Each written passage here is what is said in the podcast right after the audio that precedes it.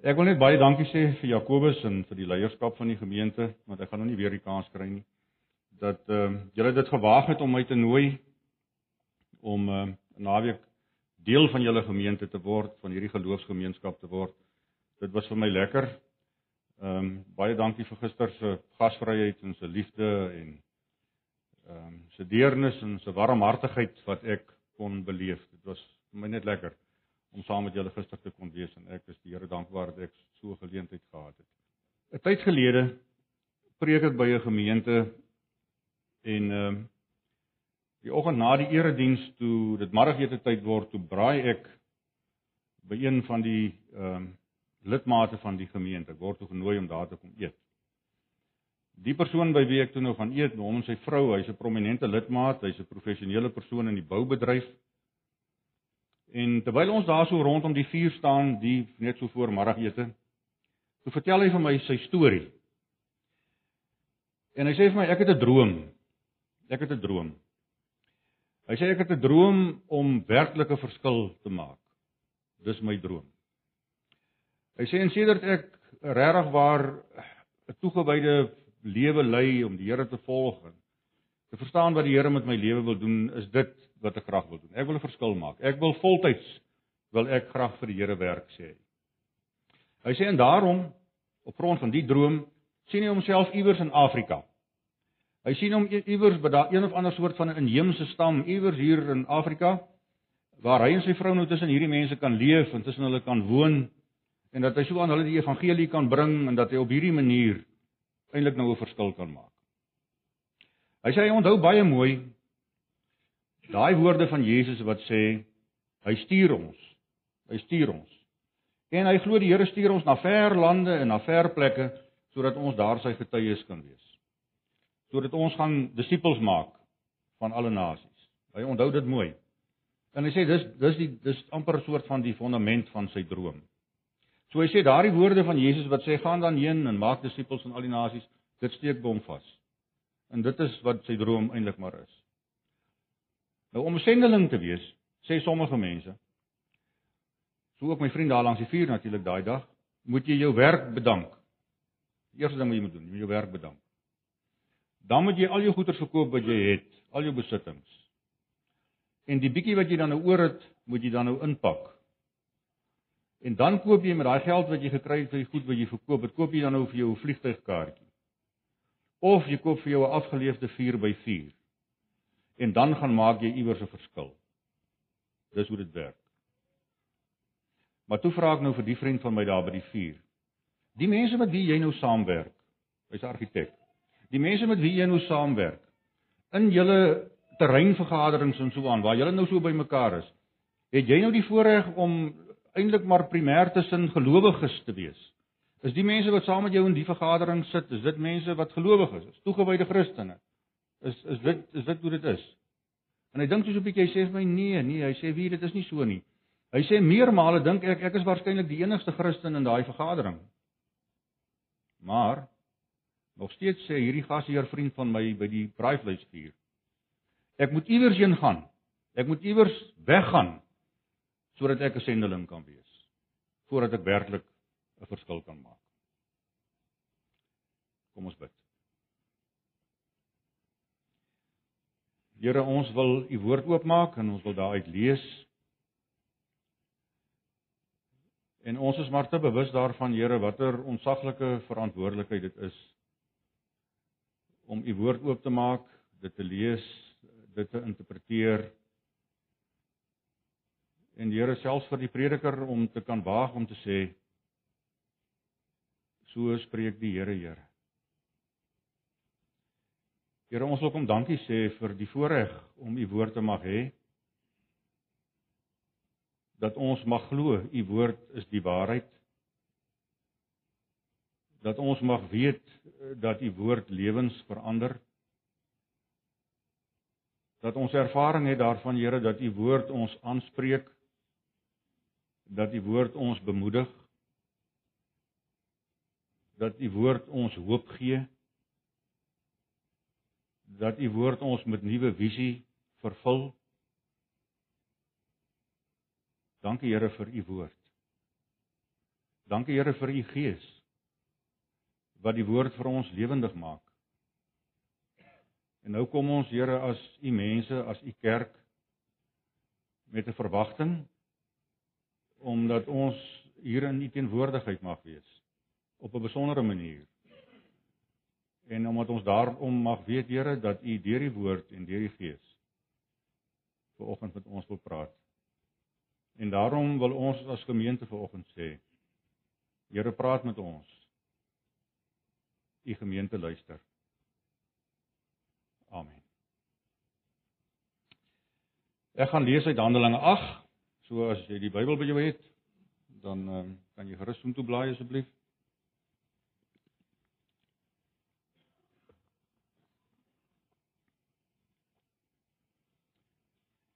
Maar nou voor ons nou daar lees, wil ek net ehm um, so vinnige voelvlug neem deur Handelinge tot daar by Handelinge 8 sodat ons die agtergrond net gou weer lekker kan verstaan.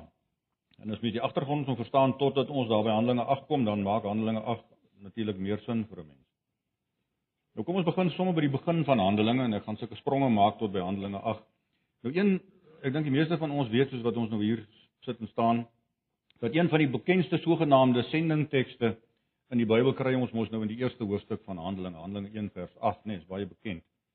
Want daar sê die Here vir vir sy disippels en natuurlik vir die kerk daarna, julle sal krag ontvang en ook wanneer die Heilige Gees oor julle kom en julle sal my getuies wees in Jerusalem en in Judea en in Samaria en tot by die uithoeke van die wêreld. Dis 'n teks wat baie gepreek is al en baie misbruik is en so aan deur die jare en deur die eeue. Maar dis 'n bekende teks, nee, ons ken hom Handelinge 1 vers 8. Nou net daarna, dan kom Jesus se hemelvaart net na hierdie Handelinge 1 vers 8 en dan kom ons nou by Handelinge 2 uit wat ons nou 'n baie bekende Handelinge hoofstuk is, want hier word die Heilige Gees nou uitgestort oor mense op 'n baie baie besondere en 'n baie dramatiese en 'n baie bonatuurlike manier beleef hulle dit. En dan by daai spesifieke geleentheid maak Petrus mos nou die eerste een van sy twee groot Handelinge toesprake hier in Handelinge 2. En dan kan 'n mens eintlik op 'n manier sê word die Nuwe Testamentiese kerk gebore. Daar in Handelinge wanneer die Heilige Gees nou uitgestort word. En dan lees ons dat die volk daar in Jerusalem rondom die jong nuwe gemeente, hoe goedgesind hulle die gemeente was. Want die kerk in Jerusalem het daagliks gegroei, dit lees ons daar, en daar was tekens en daar was wonders wat plaasgevind het.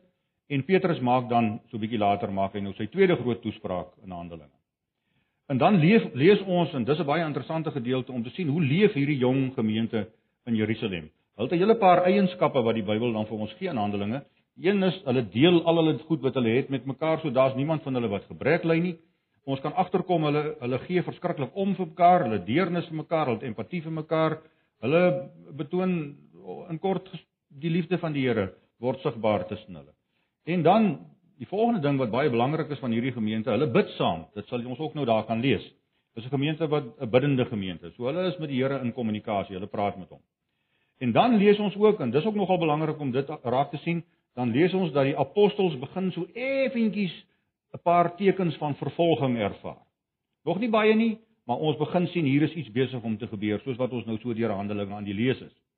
Maar ten spyte van dit nou alles wat ons nou tot nou toe gesê het, is daar geen aanduiding in die storie en Handelinge dat die evangelie versprei nie.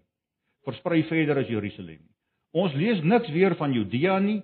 Ons hoor niks van Samaria en verder soos wat Jesus in Handelinge 1 vers 8 vir hulle gesê het nie. Daar's nie tekens van dit nie. Ons lees wat gebeur daar in Jerusalem, maar dis in 'n sekere sin amper maar half die einde van die storie.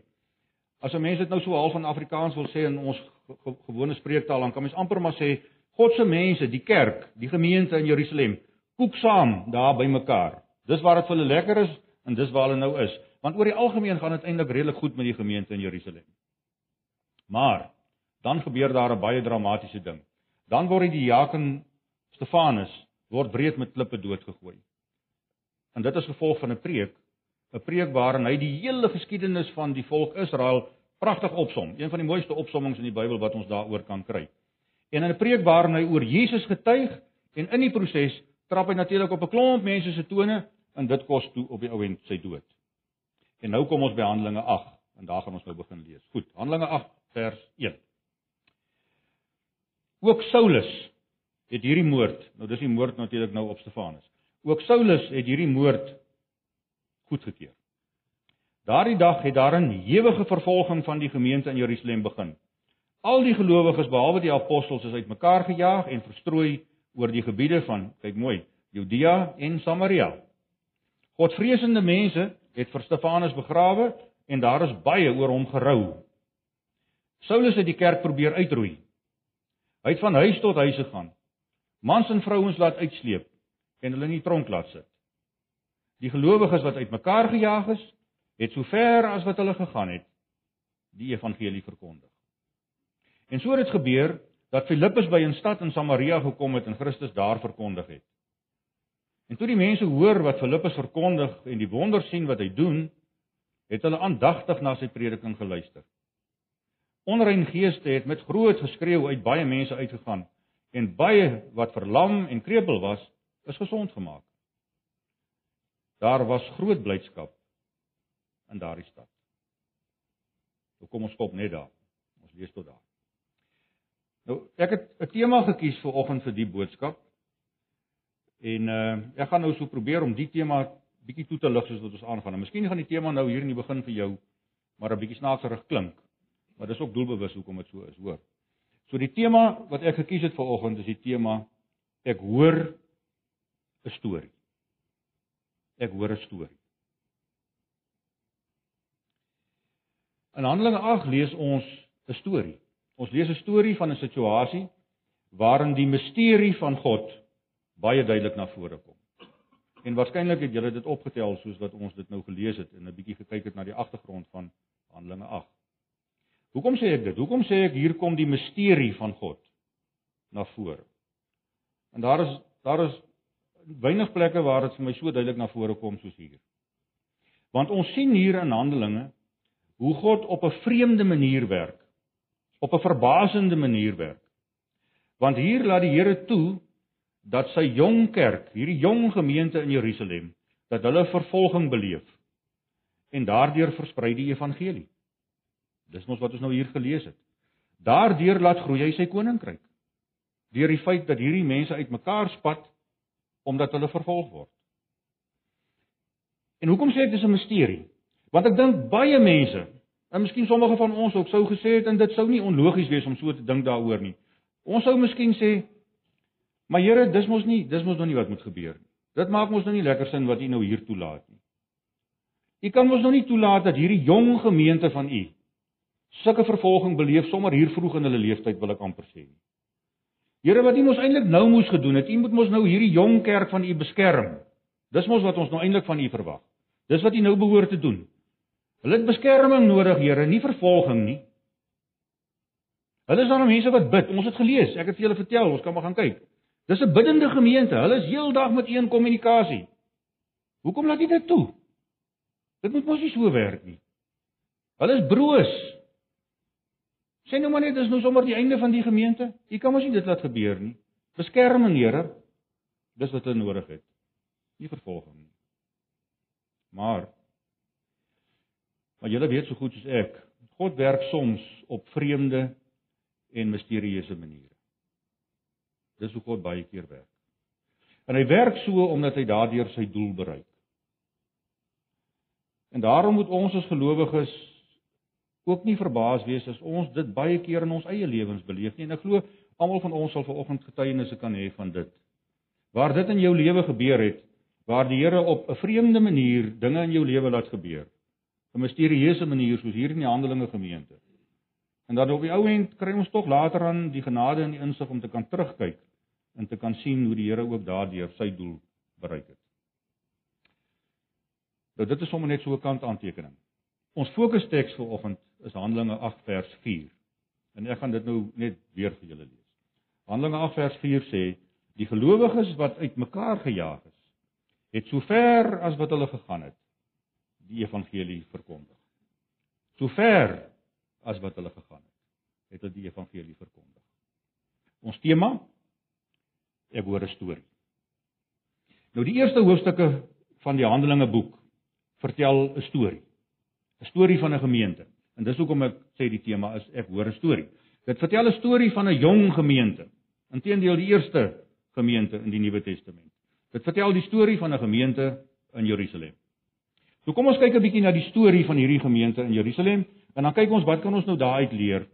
En ek wil eintlik maar probeer om dit so min of meer op te som in so drie opskriffies daarvoor te gee sodat mense dit eintlik nog maklik kan onthou en miskien met 'n mens kan saamneem. Kom ons kyk wat kan ons leer uit die storie van die Handelinge gemeente en hoe kan dit vir ons vandag as gemeente in ons konteks en in hierdie moderne tyd waarin ons lewe, hoe kan dit miskien vir ons 'n bietjie help? Goed. So die eerste ding die, van die storie wat ek hoor, ek hoor 'n storie van Jerusalem en verder. Dis die eerste punt wat ek wil maak. Ek hoor 'n storie van Jerusalem en verder. Nou die gelowiges in Jerusalem, veral die apostels, hulle het tog mos nou sekerlik geweet die goeie nuus moes uitgedra word. Ons kan mos nie twyfel dat hulle dit geweet het nie. Dit was nie vir hulle onbekend dat dit so is nie, want Jesus het dit by verskeie geleenthede het hy dit baie duidelik gemaak tydens sy bediening op aarde. Die evangelie moet uitgedra word. En hy het wonderlike metafore en beelde gebruik om te sê, hoe moet dit gebeur? Ons moet sout wees in lig wees en so kan ons aangaan en aangaan en aangaan baie voorbeelde daarvan. En dan natuurlik, dit kon nêrens nêrens eintlik duideliker na vore kom as in Handelinge 1 vers 8 juis, waar Jesus met hulle gepraat het, nou kort voor sy hemelvaart. En daar sê hy vir hulle, en hy's nog baie spesifiek ook, Hy sê Jerusalem, Judea, Samaria en verder tot by die uithoeke van die aarde. Jy kan nie twyfel daaroor nie, is duidelik. Dis wat hulle moes doen. Maar nou lees ons die storie. Nou wonder mense nou wat dan van Judea en wat van Samaria en wat dan nou van verder? Want daar's geen aanduiding in Handelinge tot op hierdie punt dat hierdie perspektief eintlik deel was van hierdie gemeente, kan ons maar amper sê, se strategiese plan nie. Glad nie. Dit was nie deel van hulle bedoeling nie. Ten spyte van die feit dat hulle dit tog geweet het. Hulle moes dit geweet het. En nou wonder mense as jy dit lees, sou hulle een of ander tyd wakker skrik as mense dit nou so kan uitdruk? As dit nie vir hierdie vervolging was nie. Maar ons soms nou nooit weet nie. Maar tot op hierdie punt van Handelinge 8 word die evangelie in Jerusalem geleef en uitgedra, maar dis dis al sover ons weet. Maar toe die vervolging kom, toe vlug hulle. En waarheen vlug hulle? Hulle vlug juis na Judea en na Samaria. Want in vers 1 het ons gelees al die gelowiges behalwe die apostels is uitmekaar gejaag en verstrooi oor die gebiede van Judea en Samaria. So toe gebeur dit. Maar hulle het selfs verder gegaan as dit want ek wil vir julle lees wat staan in Handelinge 11 vers 19 wat eintlik wonderlik is. Deur die vervolging wat na Stefanus se dood ontstaan het, is die gelowiges uitmekaar gejaag. Party van hulle het na Fenisië, Siprus en Antiochië toe gegaan. Sien jy wat gebeur nou met die evangelie? Ons eerste opskrif, ek hoor 'n storie van Jerusalem en verder. Maar nou natuurlik moet mense jouself vra, nou ons sit hier in dis 2014, wat kan ek nou hier uit leer uit hierdie opskrif van Jerusalem en verder? Ek dink wat ons hieruit kan leer vandag hier in 2014 is dat ons miskien opnuut maar net weer moet kennis neem dat Jesus se Handelinge 1 opdrag of sy belofte of sy mandaat, hoe mens ook daarna kyk. Daai mandaat vir die kerk deur al die eeue is nog steeds geldig tot vandag toe. Nie net in Jerusalem nie, maar verder. Nie net in Pretoria nie, maar verder. Om die evangelie te verkondig aan mense aan daardie 2.9 biljoen mense in die wêreld wat nog nie die evangelie gehoor het nie. Dis die hart van hierdie storie. Dis die hart van die storie. Want die begeerte dat alle mense, alle volke, alle nasies, alle tale die evangelie moet hoor, moet hoor van Jesus. Dit behoort eintlik mos in ons bloed, bloedstroom, kan ek maar amper sê as kerk te wees. Dis deel van ons kan ek amper sê ons geestelike DNA. Dis wie en wat die kerk is. Dit moet mos so wees. Dat ons daarna hunker dat ons wil hê mense moet die evangelie kan hoor sodat hulle tot geloof kan kom en sodat God daardeur vereer en verheerlik kan word. Dit kan nie anders nie. Ek hoor 'n storie van Jerusalem en verder. Maar jy sien die storie van Jerusalem se gemeente laat 'n mens nou tog 'n bietjie wonder, nê? As 'n mens nou mooi daaraan dink. As hulle dan nou so bewus was van hulle opdrag, en ons is mos nou oortuig daarvan, hulle hulle was bewus daarvan. As hulle geweet het van hierdie mandaat wat hulle het by God self gekry het. Hoe is dit dan dat so 'n dinamiese gemeente soos wat hulle nou waarskynlik was, as ons nou lees, dat hulle nie die evangelie verder geneem het nie. Hoe is dit moontlik? Hoe is dit moontlik dat hulle dan nou eintlik as ons dan nou nie doekies omdraai nie, vir mekaar moet sê eintlik was hulle ongehoorsaam? Want hulle vat toe nie die evangelie verder nie. Wat was die fout? Hoekom het dit gebeur? Het hulle miskien ook dalk soos baie mense vandag nog gedink, ehm um, miskien moet ons die evangelie eers net hier in Jerusalem verkondig. Eers net hier waar ons is. Dis wat ons nou moet doen. En later aan eendag, miskien, miskien eendag later aan dalk Judea en verder. Miskien is Judea en Samaria vir die volgende generasie. Miskien is dit bedoel vir ons kinders, maar nou nie eintlik ons nie. Kom ons hou ons besig hier in Jerusalem en dis nou wat ons nou op die oomblik gaan doen. Wat was fout? Hoekom was dit so? Of het dit dalk op 'n manier te goed gegaan met die gemeente hier in Jerusalem? Want daar was groei. Die strukture van die gemeente lees ons het gewerk. Daar's die jakens wat gekies is.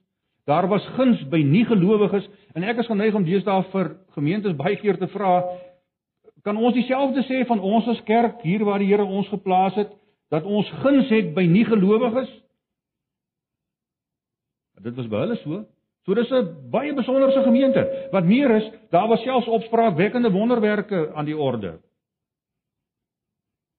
Maar dit lyk vir my dit is so dat wanneer dit goed gaan en wanneer daar voorspoed in die kerk is op 'n manier dat gemeentes baie maklik selftevrede kan begin terugsit en dat dit op die ou end eintlik kan lei tot 'n soort passiwiteit as ek dit so kan uitdruk en amper 'n soort gemaksigtigheid. Bewonder 'n mens was daar dalk iets van dit hier ter sprake? Ons sal nie regtig weet nie. Want jy sien ons geloofsvryheid kan maklik aanleiding gee tot 'n soort van 'n lei lekker kristendom. Baie maklik. Ek onthou in 1995 het ek die voorreg om in Seoul te wees in Suid-Korea by 'n groot die grootste sendingkonferensie tot op daai stadium in die geskiedenis. En die vervolging, dis 1995, die vervolging van die kerk in Rusland was nog vars in hulle geheue kort na die eystergordyn af is. En by een van hierdie geleenthede sit ons in 'n groot auditorium en 'n klomp van die wêreldkerkleiers is besig om daar te praat en 'n bietjie verslag te doen oor hoe gaan dit met die evangelie in daai wêrelddeel waarvan hulle kom. En onder andere het daar 'n ou ortodokse Russiese priester gesit. Lang swart jas aan, lang baard, langer as myne en vreemderige hoed op en so aan. En hy het daar eenkant gesit en geluister na die verslae van die kerk uit die weste. Toe sy beurt word om te praat oor die kerk in Rusland. Toe maak hy 'n skokkende stelling. Toe sê hy vir ons: Broers en susters, ek het geluister na wat met die kerk by julle gebeur. Ek wil nou vir julle sê ons in Rusland verkies eerder vervolging as die passiwiteit van die westerse kerk. Ons verkies vervolging bo die passiwiteit van die westerse kerk. Ek hoor 'n storie van Jerusalem en verder. Verder as die grense van Jerusalem. Maar ek hoor 'n tweede storie. Tweede punt wat ek wil maak. Ek hoor 'n storie wat ek wil noem ongeag omstandighede. Ek hoor 'n storie ongeag omstandighede.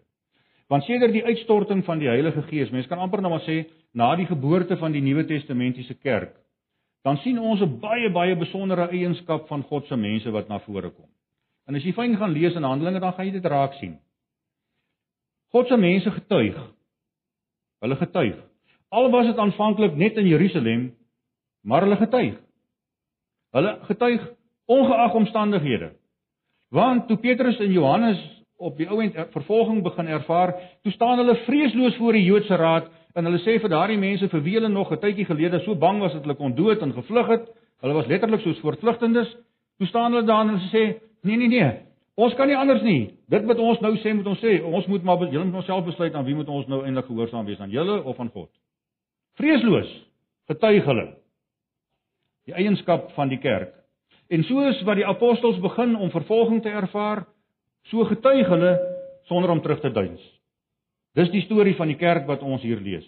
En nadat Stefanus vermoor is en die kerk uitmekaar spat, gaan hulle getuienis selfs verder voort en dit het ons mos nou gelees. En mens kan eintlik amper sê kragtiger as ooit vantevore. Hulle getuig Al is al die omstandighede teen hulle. En so verloop die storie van die kerk deur al die eeue tot vandag. Nou Hebreërs 11 vertel vir ons 'n griesame deel van die kerk se storie. Nou julle weet mos nou as jy TV kyk, nuus kyk baie keer, nê? Nee, dan sal die uh, nuusleser sê die volgende die volgende stukkie beeldmateriaal wat ek nou vir julle gaan wys, ehm um, mag miskien nie goed wees vir sensitiewe kykers omdat ek kyk. Julle moes al gehoor nee, hulle sê so. So moenie nou kyk, jy kyk weg. Ons gaan nou vir julle iets wys. Nou ek het nie iets om vir julle te wys nie, maar ek wil vir julle sê as hier sensitiewe luisteraars is, moenie nou luister en druk jou ore toe want ek gaan vir jou 'n stukkie lees uit Hebreërs 11. Moenie luister nie, hoor, as jy sensitief is nie. Gelowiges is doodgemartel. Ander weer het bespotting en lyfstraf verduur selfs boeye en gevangenskap. Hulle is met klippe doodgegooi, in stukke gesaag, met die swaard vermoor. Hulle het rondgeswerf in skaapvelle en in bokvelle. Hulle het gebrek gelei, is verdruk en hulle is mishandel. Dis die storie van die kerk. En dis vandag nog so. Dis vandag nog so, want jy sien ons storie oor God moet weer klink te midde van swaar kry. Ons storie oor God as kerk moet weer klink te midde van siekte en honger en verdrukking en al die onvolmaaktheid rondom ons. Dis die storie van die kerk. En dis uiters belangrik dat ons hierdie waarheid baie baie mooi moet goed verstaan. Want jy sien, ek dink ons word vandag meer as ooit vantevore gekonfronteer met wat ek dink is een van die verwoestendste misleidings en dwaalings waarmee gelowiges ooit te kampe kan hê. Nou kan jy vir my sê nou hoekom op aarde sê jy nou dit?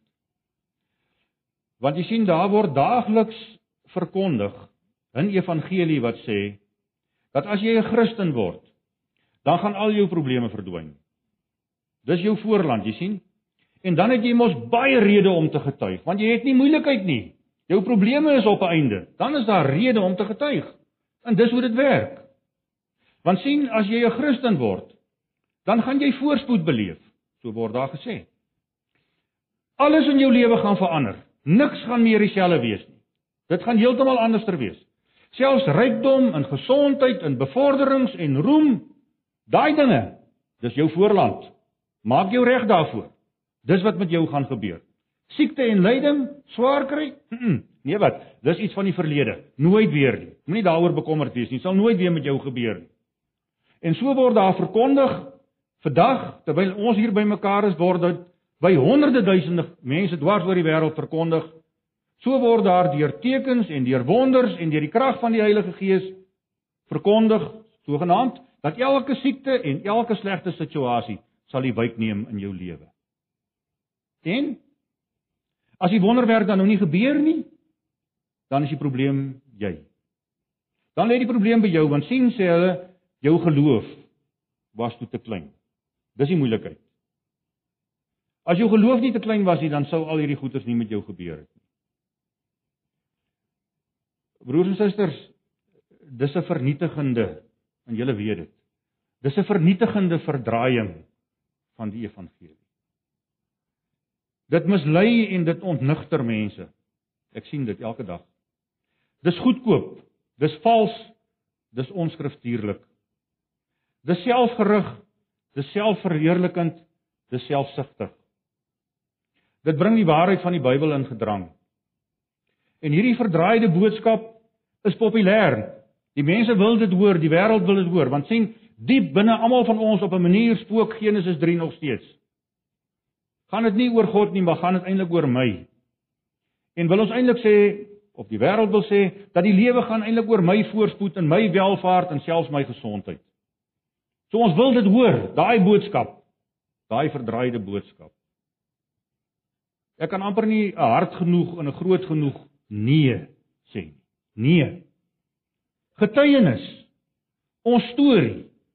Ons storie soos die Jerusalem gemeente se storie is waarskynlik op sy kragtigste wanneer mense stikkend is.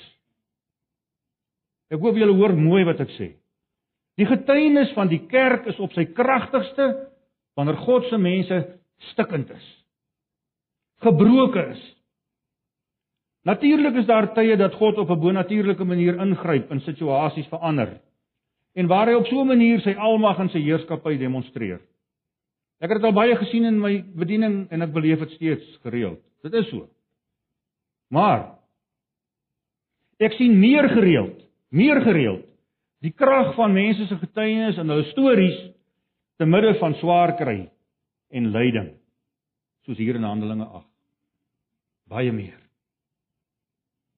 Ek is seker julle as gemeente weet en ken vir John Piper, julle weet van hom. 'n wonderlike teoloog. John Piper het op 'n stadium 'n reeks boodskappe gehad wat hy genoem het Don't waste your life. En hy het primêr hierdie boodskappe ontwikkel om met 'n jonger om met 'n jonger gehoor te deel. En iewers deur die loop van hierdie boodskappe van hom raak dit later op 'n manier amper so radikaal die uitsprake wat wat hy maak. Want hy's besig om te sê jy moenie die dinge wat in jou lewe met jou gebeur en wat vir jou oënskynlik sleg is, moet jy amper kan ek nou maar die woord so gebruik, nie vermors nie. Moenie laat dit by jou verbygaan nie.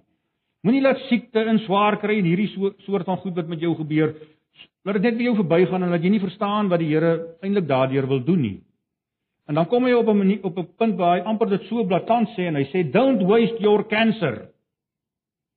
Selfs dit. Don't waste your cancer. sien dit ook as 'n geleentheid sodat jy daardeur eer en lof aan die Here kan bring. En 'n klomp jaar gelede toe vra hulle vir my, ek moet hier iewers in die Vrystaat, ek sal nie die naam van die gemeente noem nie, uh, moet ek gaan preek so vir 'n reeks dienste.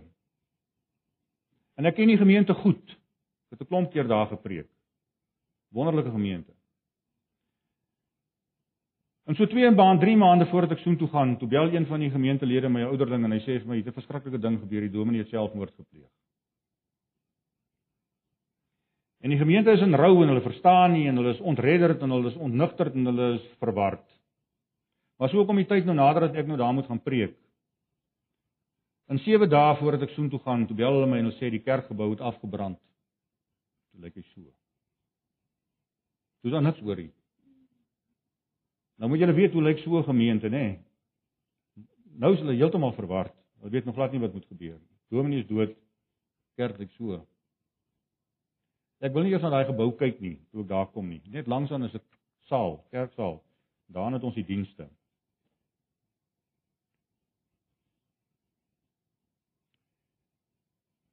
Preek, moeilik om te preek. Ek praat met hulle oor 'n nuwe begin.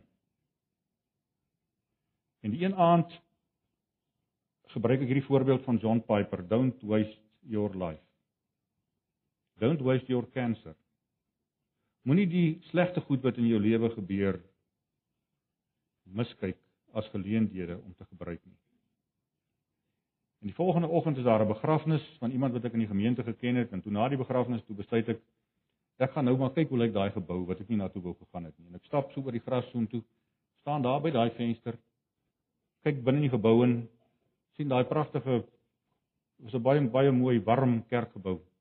En ek kyk daar deur en ek sien die stukke metaal wat verdraai en verstrengel en verwoes is.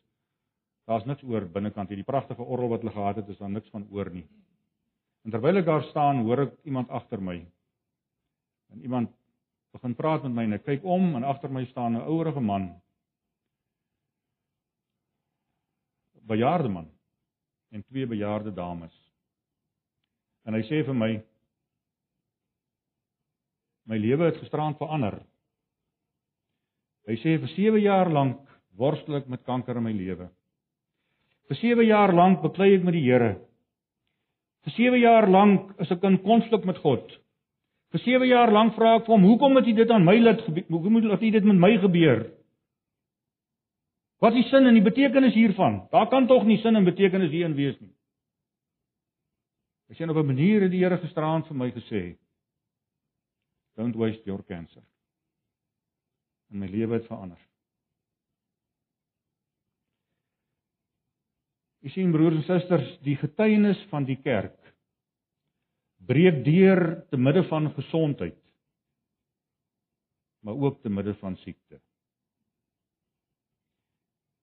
In voorspoed maar ook in teëspoed.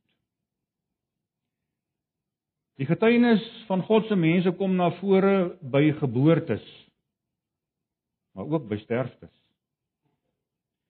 Ons getuienis moet weer klink by genesings, maar ook wanneer siekte ons vernuweer en daar geen genesing kom nie. Die kerk se getuienis word gehoor wanneer ons jubel oor die voorspoed en die versorging van die Here.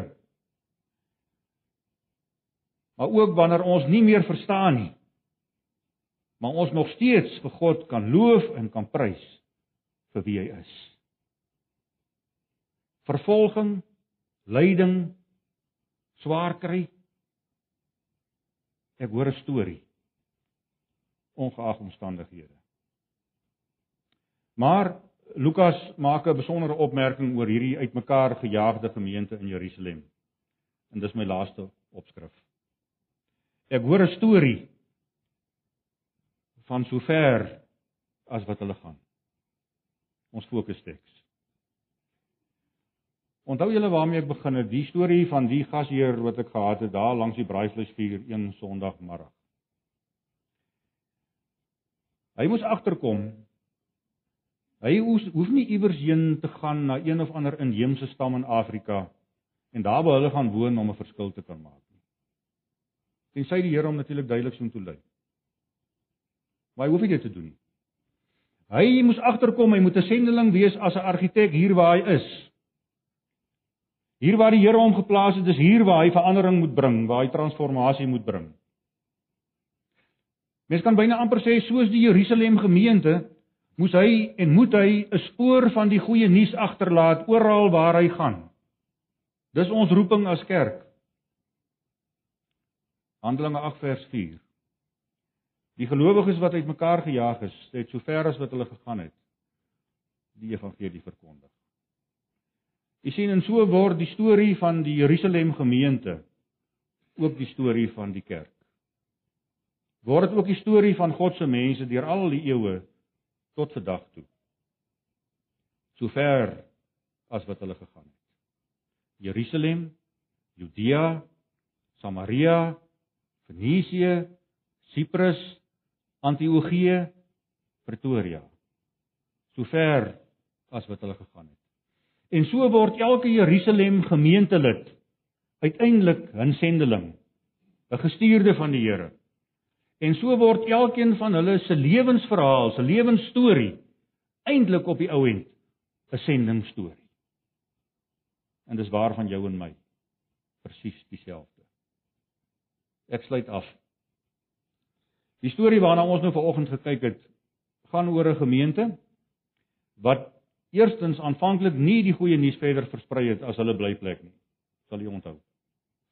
Dit gaan oor 'n gemeente wat ten spyte daarvan steeds getuig het ongeag hulle omstandighede.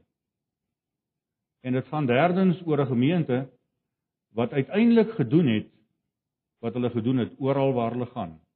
Die evangelie het hulle verkondig. Die storie van die gemeente in Jerusalem. Maar nou is die vraag natuurlik en daarmee moet ons nou klaarmaak. Hoe raak dit nou vir my?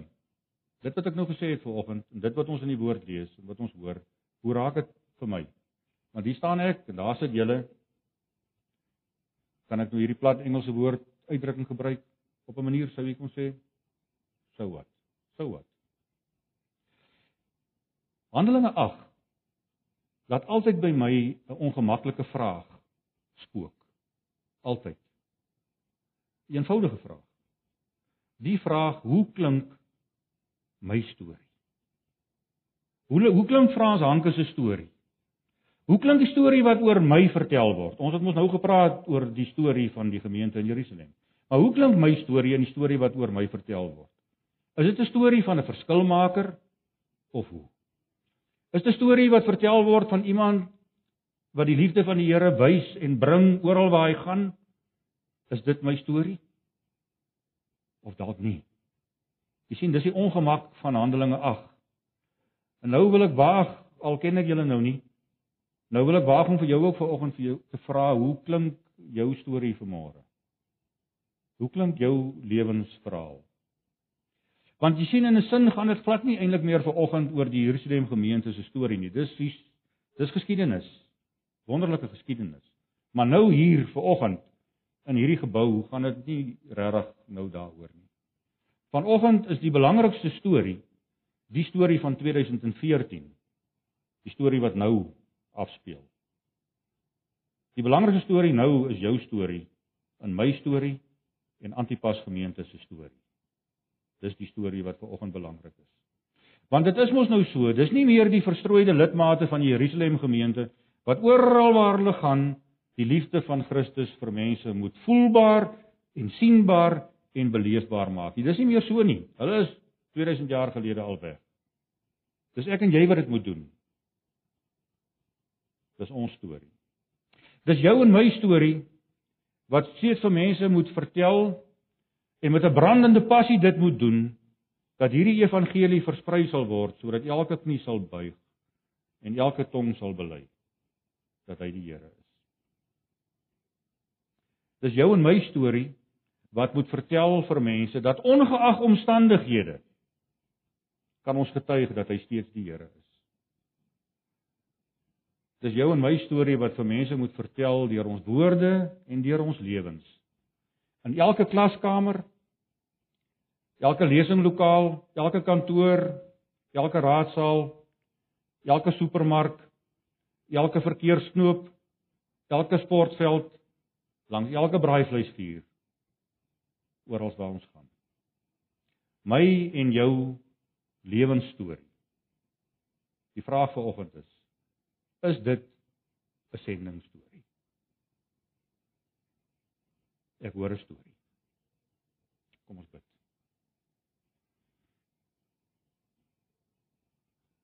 Here, ons wil dankie sê vir die getuienis van die Jerusalem gemeente wat ons nog bevoorreg is om te kan lees en Here dat U daaruit vir ons ook leer. Maar Here, miskien is hier ander broers en susters wat saam met my vanoggend moet bely dat my storie so baie keer nie 'n storie is wat ek eintlik graag vertel wil hê nie dat my persoonlike storie ook nog maar baie keer 'n sterk inhoud van Genesis 3 met hom saamdra. 'n stuk selfgerigtheid en eie ek waar dit oor my en oor myself gaan.